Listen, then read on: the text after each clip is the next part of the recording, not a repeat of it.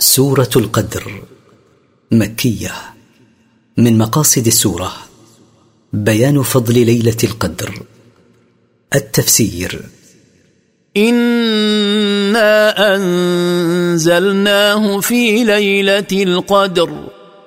إنا أنزلنا القرآن جملة إلى السماء الدنيا كما ابتدأنا إنزاله على النبي صلى الله عليه وسلم في ليلة القدر من شهر رمضان. وما ادراك ما ليله القدر وهل تدري أيها النبي ما في هذه الليلة من الخير والبركة؟ ليله القدر خير من الف شهر.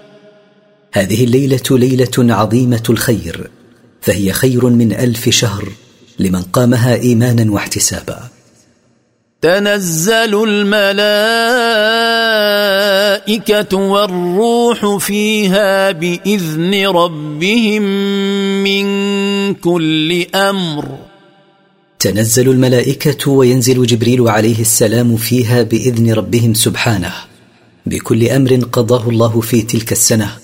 رزقا كان أو موتا أو ولادة أو غير ذلك مما يقدره الله.